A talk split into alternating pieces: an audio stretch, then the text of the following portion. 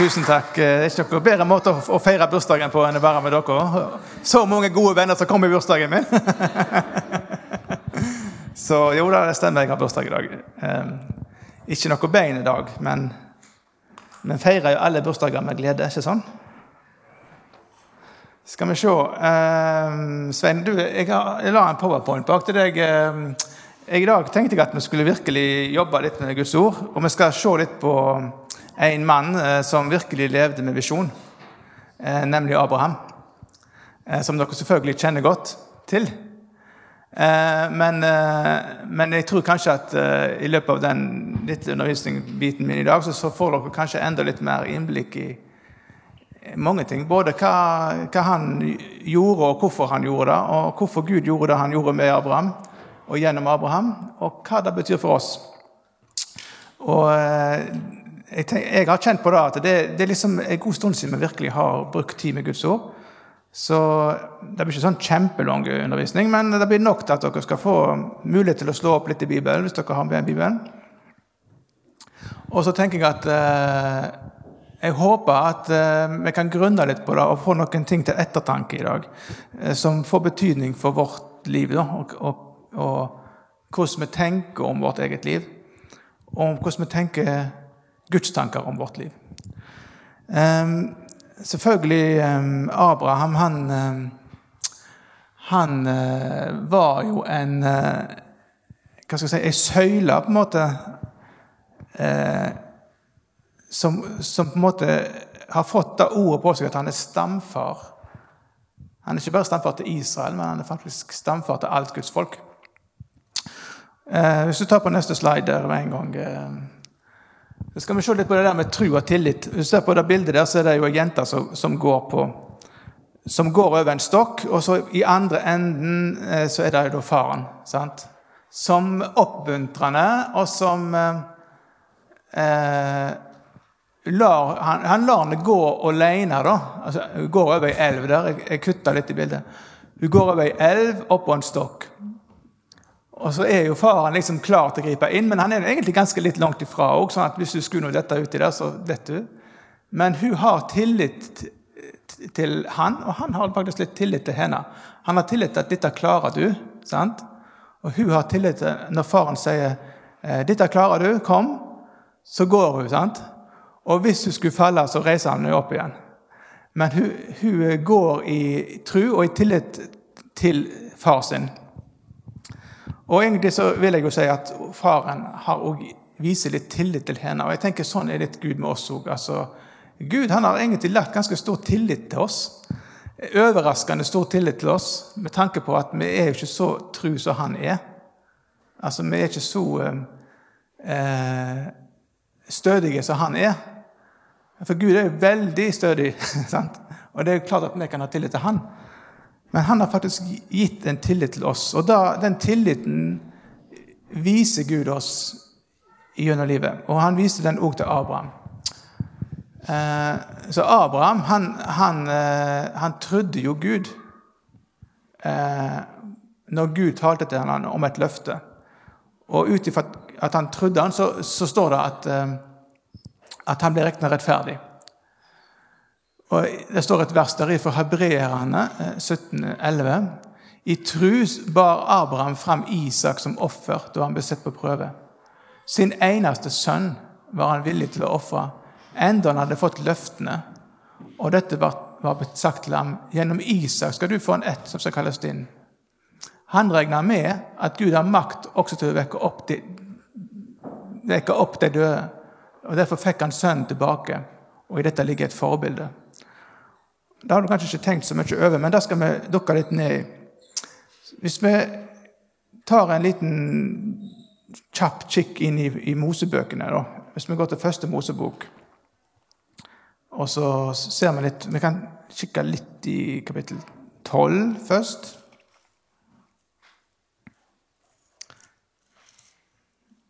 Første Mosebok 12. I Første Mosebok 12 så så er jo eh, det er på en måte starten da at Herren eh, kaller Abraham, som han heter da. Så I vers 1 står det så at Herren sa til Abraham Dra bort fra landet ditt og fra slekta di og fra farshuset ditt, til det landet som jeg skal vise deg. Jeg vil gjøre deg til et stort folk. Jeg vil velsigne deg og gjøre navnet ditt stort, og du skal bli til velsignelse. Jeg vil signe deg som velsigner deg, men de som forbanner deg, skal jeg forbanne. Men i deg skal alle slekter på jorda velsignes. Og så for Abraham. Så han, Gud kalte Abraham, og han velsigna han, og han ga han et ganske stort løfte. Et så stort løfte som, han, som faktisk betyr noe for oss. For han sa at i deg skal alle slekter på jorda velsignes. Det betyr, det er jo inkludert oss. Alle slekter på jorda skal velsignes. Så dette var jo selvfølgelig en del av Guds plan. For Gud er veldig visjonsstyrt. Gud har en veldig klar visjon helt ifra skapelsen av. En veldig stor forsjon, eh, forskjell på det å, eh, hva skal jeg si, styre livet etter hvordan ting går, og styre livet etter visjon. Og Gud lærte Abraham å styre etter visjon. Så det var første Mosebok 12. Gud velsigne Abraham. Så skal ikke vi lese alle disse, men jeg har eh, lista opp noen av de her. F.eks. i første Mosebok 13 og 15 så, så får Abraham da løftet om ei stor ett. Og det er jo da løftet som måte, vil definere Abraham sitt liv og måten han lever på. Og da løftet om ei stor ett gir han jo til Abraham når han er egentlig ganske gammel. sant? Og han har jo ingen etterkommere, Abraham. Så at omstendighetene rundt han var jo eh, overhodet ikke alene. Eller det var ikke Det samsvarte ikke med det Gud talte. Gud talte om en stor ett, og så når han så rundt seg, så hadde han ikke det. Sant? Og sånn er det eh, Hvis du lever etter visjon, så er det ikke alltid omstendighetene dine samsvarer med det som visjonen sier. For visjonen er noe der framme som du ikke er kommet til ennå. Det, det, er noe i framtida som Gud har talt om, men du er ikke der nå. Og Sånn er det litt med oss òg, og også med oss som menighet, at vi har fått ord til oss om hva som skal komme, men når vi ser rundt oss nå, så er vi ikke helt der nå. Sant? Og da lærte Abraham gjennom et liv. Og eh, han eh, stadfesta jo da i Første Mosebok 15, og så kan vi jo lese responsen. Vi kan lese Første Mosebok 15, 16, kanskje. Nei, 15, 6, mener jeg.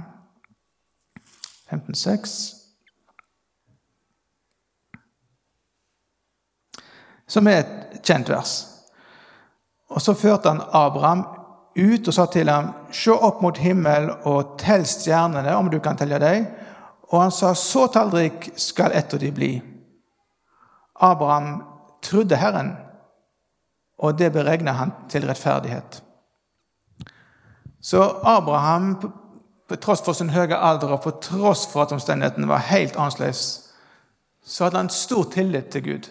Han trodde virkelig Gud når han sa at din ett skal bli så tallrik som stjernene. Det var nesten sånn Ja vel, Gud. Det er det du vil. Men så går det noen år, og Abraham blir eldre. Eh, omstendighetene blir egentlig bare verre. Han fortsatt, har fortsatt ikke etterkommere. Og så Sara, som han er gift med, er gammel. Og så tenker han Gud har jo talt. Eh, men, kan, det være at han, kan det være at Gud egentlig mente noe annet? Og så bestemmer Abraham seg for å ta saken i egne hender. Og Han bestemmer seg for at eh, jeg må få unger med Hager, som var tjenestepika eh, hans. Altså ikke huset han var gift med. Han tok seg ei kone til. Så han stolte ikke helt på Gud da, kanskje. Men han prøvde på egen hånd. Og Da kjenner jeg meg jo av og til igjen i da, hvis du tenker på at når Gud har talt om ting, og jeg ikke ser at det skjer med en gang, for jeg kan være litt utålmodig av meg. Jeg ønsker at ting skal skje, og, at, at, det skal skje ting. Og så er jeg ikke der at jeg, jeg venter på Herren. Eh, jeg vil gjøre ting sjøl. Sånn ser jeg for meg at Abraham var. Jeg kjenner jo ikke Abraham så godt at jeg vet hvordan han tenkte, men jeg ser for meg at det var sånn, at han bestemte seg for å gjøre ting på egne hånd. Og så fikk han sønnen Ismael med Hagar. Men, eh, men, Gud ga han ikke opp for det. Sant? At Gud hadde, hadde en plan. Sant? At han skulle få en sønn med Sara.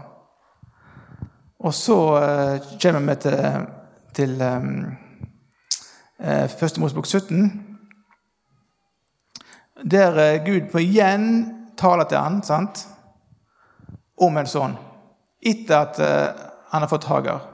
Og så får han et nytt navn. Abraham. Han har gått fra Abraham til Abraham, som blir uh, mengde, eller far til mange. Og Sara, eller Sarai får navnet Sara, som betyr da fyrstinne. Mor til konger. Og så kommer omskjæringa som en pakt en pakt er jo en veldig sterk avtale som Gud stadfester. Og så er er jo egentlig litt sånn lattermilde i dette her, at de eh, Skal vi virkelig få en sønn? Vi er så blitt så gamle. sant? Og så kan vi hoppe helt til at eh, i første Mosebok 21, der Gud eh, da eh, sørger for at eh, Sara blir gravid, og de får Isak. Skal vi se Finner 21.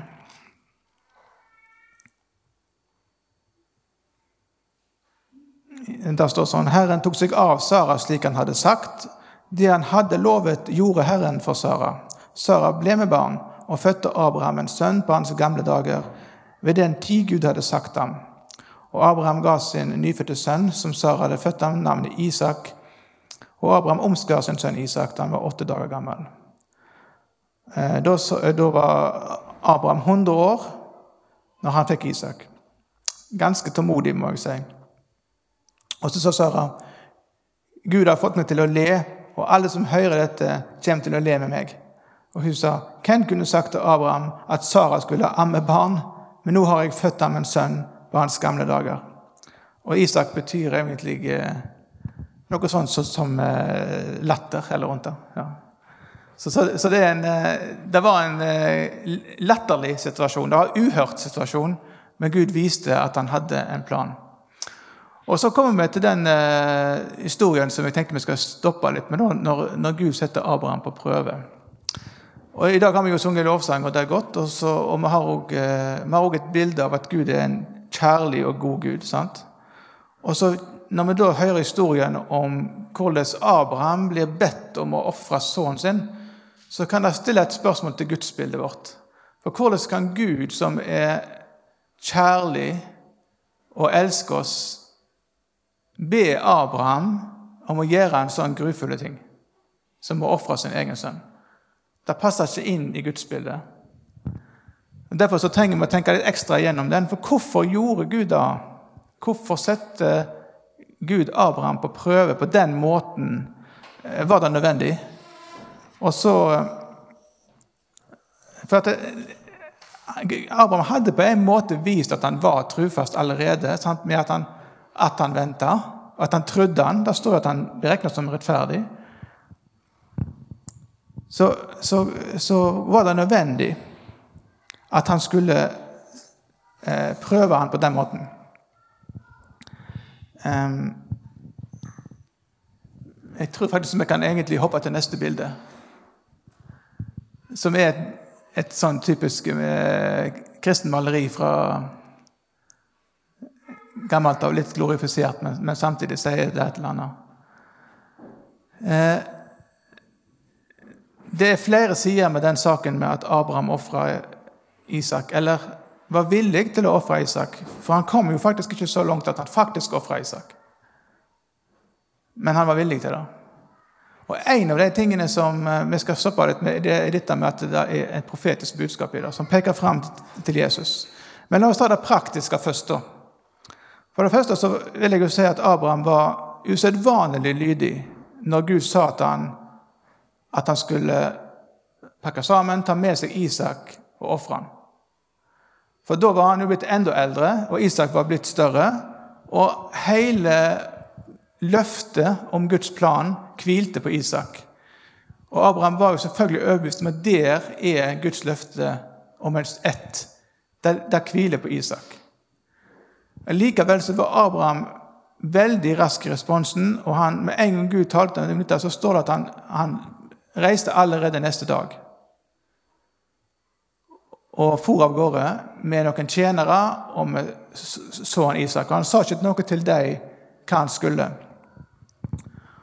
Og så eh, for han av gårde til eh, det fjellet som heter Moria.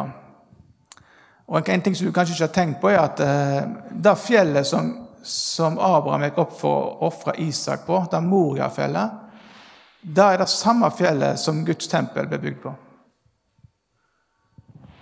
Der står nemlig da at Salomo eh, fikk beskjed om å bygge Herrens tempel.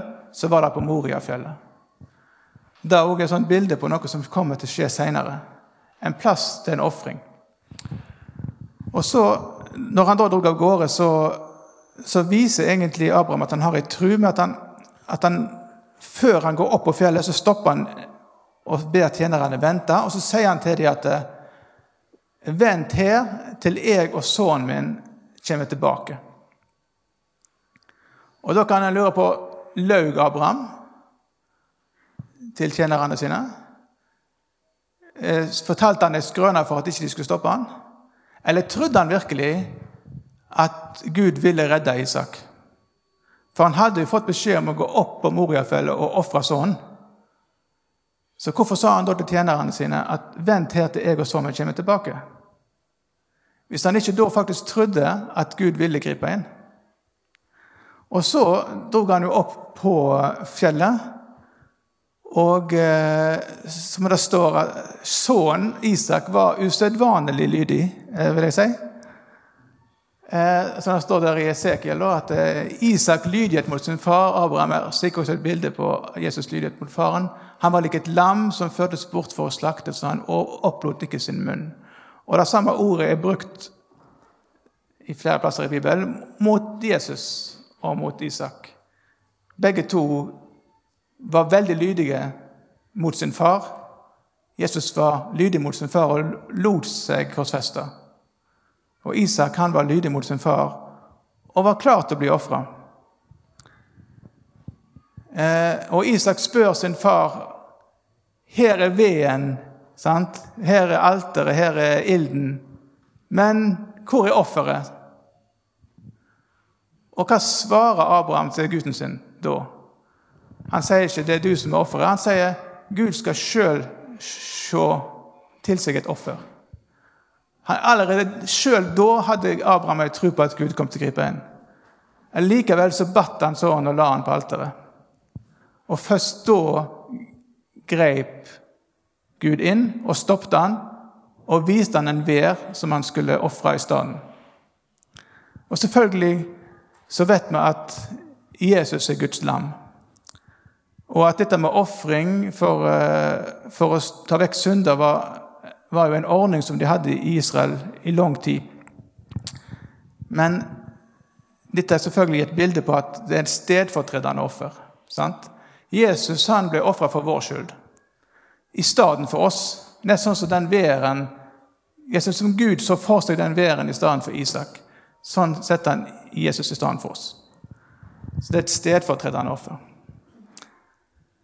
Og Så kan vi komme tilbake til spørsmålet hvorfor måtte Abraham gå igjennom den. Og En av de tankene som har slått meg, og som jeg har for så vidt lest om, er at eh, den prøvelsen handler om at Abraham ikke lenger skulle stole på omstendighetene eller, sin, eller gå i egen kraft. Nett sånn som når han fikk en ekstra sønn med Hagar, så var det på en måte Abraham sin egen måte til å få, få ting i orden. Og da, da trenger han kanskje ikke stole så mye på Gud. Og så kan det være litt sånn her òg at nå hadde han fått Isak. Nå var løftet oppfylt. Men hva hvis Isak forsvinner? Vil Gud likevel være trufast? Sant? Og denne, selvfølgelig En så stor prøvelse er det jo ikke alle som blir utsatt for. Men det handler litt om at Gud vil at vi skal være avhengig av Han og ikke gå i egen kraft. Sant? At ikke vi skal se at nå har jeg virkelig klart det her. Sant? Men at vi skal forstå at eh, vi er avhengig av Gud. Og Det tror jeg var på en måte prøvelsen for Abraham, samtidig som han hele tida viser Abraham at han stoler på at Gud vil gripe inn. Så jeg, jeg, eh, jeg tenker jo at Abraham er et kjempestort forbilde for oss her. i det At, vi, at han hele tida tror at Gud vil gripe inn, selv om omstendighetene bare blir verre og, og verre. Eh, hvis du tar til neste bilde da, så kan vi se litt på dette med, med parallellene mellom Abraham og Isak og, og Jesus. og sånt. Det syns jeg alltid er gøy når jeg leser Gammeltestamentet, og på en måte finne disse parallellene. Fordi hele Gammeltestamentet er full av paralleller mot Jesus. Og Det gjør det litt mer spennende å lese Gammeltestamentet, syns jeg, da, som er litt, litt sånn eh, systematisk av meg. Så For så har du at Abraham er villig til å ofre sin eneste sønn. Og så har du at Gud er villig til å ofre sin eneste sønn. Men jeg kan faktisk kanskje se at Abraham hadde faktisk en sønn til. Hadde Ismael. Men det var Isak som var løftesønnen. Det var han som var den sønnen som hele løftet til Gud hvilte på. Den var han villig til å ofre. Og Gud var også villig til å ofre Jesus. Og Vi kan til og med tenke den parallell at eh, Abraham så, var, trodde faktisk Gud så sterkt at han trodde at Gud kom til å reise Isak opp igjen. For han sa til tjenerne sine vi skal komme ned igjen. Sant? Vi skal komme ned igjen, begge to. Og Gud visste òg at han kom til å reise Jesus opp igjen. Men han var villig til å ofre han for vår skyld. Så var Isak lydig, og Jesus var lydig, det har vi snakket om. Så kom det en vær som en erstatning for Isak, og Jesus han er vår stedfortreder. Det har vi snakket om. Og så er det Abraham, da, som er far til mange folk. Og i Romerne fire, som er et viktig kapittel her, så snakker Paulus mye om hvordan Abraham er vår eh, Eh, stamfar. Altså, Han er alle truendes stamfar. Han er ikke stamfar til nødvendigvis til israelsfolket, selv om han også er det i kjødet. Så er han òg den første som, som Gud sa du er rettferdig pga. tro. Og I deg skal alle jordens slekter velsignes. Han er far til mange folk. Og Gud han er òg alle far vår far. Måten Isak var født på, var, er jo spesiell. Han var født på Eh, et underfull vis. Eh, lenge etter det var naturlig for ei dame å fø. Mens for Jesus var det omvendt. Det var før det var naturlig, men det var òg et under. Maria var jomfru, men fødte likevel. Så begge hadde en unaturlig eh, fødsel der Gud grep inn. Og så, som jeg var inne på, så går de til Moriafjellet. Eh, og eh, Abraham bærer ilden og kniven, og Isak bærer veden. Og når Jesus går til korset, så ber han sjøl veden. Han bærer korset sjøl. Og han er klar til å bli ofra. Så det er også en parallell. Og eh, som jeg var inne på, så, så ble han ofra på det, det, fjellet som Salomo blir bedt om å bygge tempelet. Her er det tempelet der dere skal tilbe Gud. Så dette var på en måte en tilbedelseshandling, eh, det Abraham gjorde. La oss gå videre til neste bilde. Ja. Så har vi dette med at uh, det er egen rettferdighet ved tru. Uh, jeg tenker at Det er viktig å få med seg, for oss at det er en rettferdighet å vinne. Uh, som ikke går på gjerning, selv om Abraham viste det med gjerning. Men det går på en tillit. Og jeg tror at den tilliten kan være med å styre livet vårt fremover en, jeg tror jo at vi har hatt en tillit gjennom den tida vi har gått igjennom nå med korona. Vi har en tillit til at Gud faktisk skal gripe inn. For eh, vi vet at Guds plan står fast. Så den troa vår blir på en måte virksom i den tilliten vi har til at Gud ordner opp. Og så kan vi jo si at vi, ja, vi prøver òg på egen hånd. Men eh, jeg vil ikke si at det er galt. For så har jeg òg eh, Jeg har tatt vaksine som er utvikla. Og jeg tenker jo sånn at Gud har skapt oss mennesker med, et, med, en evne til å finne ut av, av, naturen og til å eh, forske og utvikle. Og det er faktisk sånn Gud har skapt oss. Og Derfor syns jeg det er helt fantastisk når vi kan bruke de evnene Gud har, har gitt ned oss til å finne en medisin, f.eks. Så jeg mener jo at det òg er styrt av Gud. Samtidig så har jeg en tillit til at Gud han hjelper oss i dag. Han hjelper oss til å finne den medisinen vi trenger. Og han vil òg sørge for at sin plan går på fram selv om korona sprer seg. Så det er et, eh, det, så den konsekvensen av min tro er at jeg har en tillit til at Gud har kontroll. Eh, og så er det ikke sånn at den, den rettferdigheten blir tildelt oss eh, når vi blir gamle og, og vi dør. Den, Abraham han fikk den tilliten erklært veldig tidlig, altså, før han fikk Isak. Før han beviste at han trodde. Helt i starten, som det første jeg leste, var at Gud erklærte han rettferdig for sitt tro. Helt i starten, når Gud sa at han, du skal bli far til mange folk. Lenge før det skjedde, lenge før han hadde eh, vist den eh, i handling. Så den, den eh, rettferdigheten får vi når, vi når vi allerede som barn tar imot Jesus. Sant? ikke basert på hva vi får til gjennom livet. Samtidig som du òg har det at eh, gjennom livet så viser du i handling at du har tillit til Gud. Ta neste eh, bilde òg. Og Da kommer vi til det med å, hvordan leve med livet vårt, som er på en måte, er kanskje poenget i dag. Er dette med Hvordan lever du livet ditt i dag? Eh, og Da er det en, eh, et spørsmål der til, så er det utfordrende spørsmål til slutt. Som går på dette lever du behovsstyrt, eller lever du visjonsstyrt? Eh, og den mest naturlige for alle mennesker er å leve behovsstyrt. Det er at du hele tida er opptatt av hva er mine behov i dag. Hva er min familie sitt behov i dag? Det er helt naturlig for oss å leve. Jeg sier ikke at det er nødvendigvis galt, for du må jo sørge for at, at familien din får sine behov. Iallfall når det gjelder de grunnleggende tingene som mat og drikke og trygghet. Det er naturlig å sørge for å dekke sine behov. Men Gud kaller deg til noe større. Gud kaller deg til å faktisk leve livet ditt visjonsstyrt. Gud kaller deg til å ha tillit til at han har en plan, og at du skal styre livet ditt i den retningen. Og at dine valg er visjonsstyrt og ikke kun behovsstyrt. For hvis du kun er opptatt av behov, så mister du visjon. Da mister du kanskje retningen og går omveier og kommer kanskje ikke fram til det målet som er der framme, for du går ikke rett. Og Det er en sånn eh, til ettertanke for enhver av oss. Eh, fordi det mest naturlige for oss er, på, er, å dette tilbake til behov. Så det krever en aktiv beslutning for deg å bestemme deg for at jeg vil leve med visjon.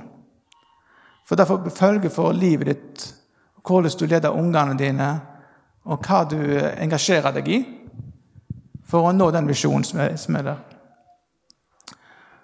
Eh, og eh, jeg tenker at eh, historien om Abraham og Isak er et klart bevis på en person som valgte å leve visjonsstyrt.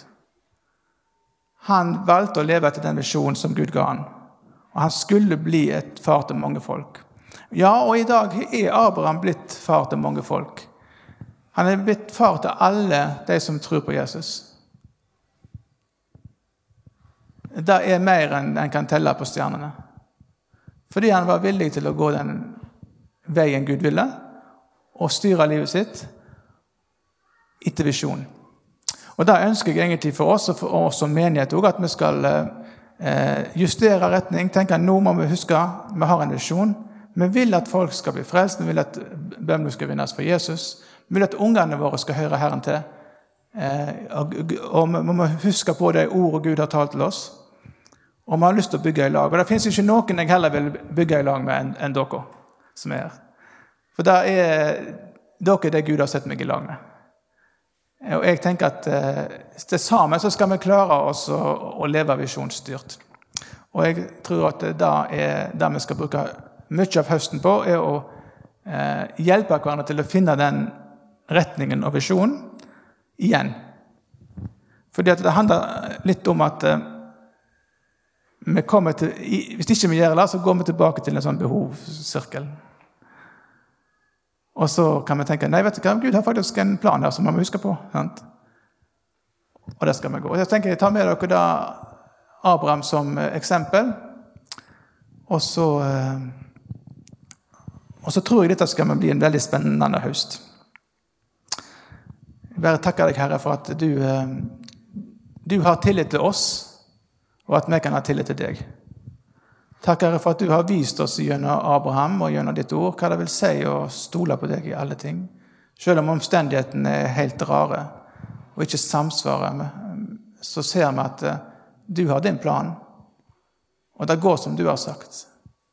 Jeg ber du skal velsigne hver og en her inne, og la oss alle få eh, ny motivasjon til å eh, sette fokus rett, Herre, og til å stole på deg, Jesus. Du er god.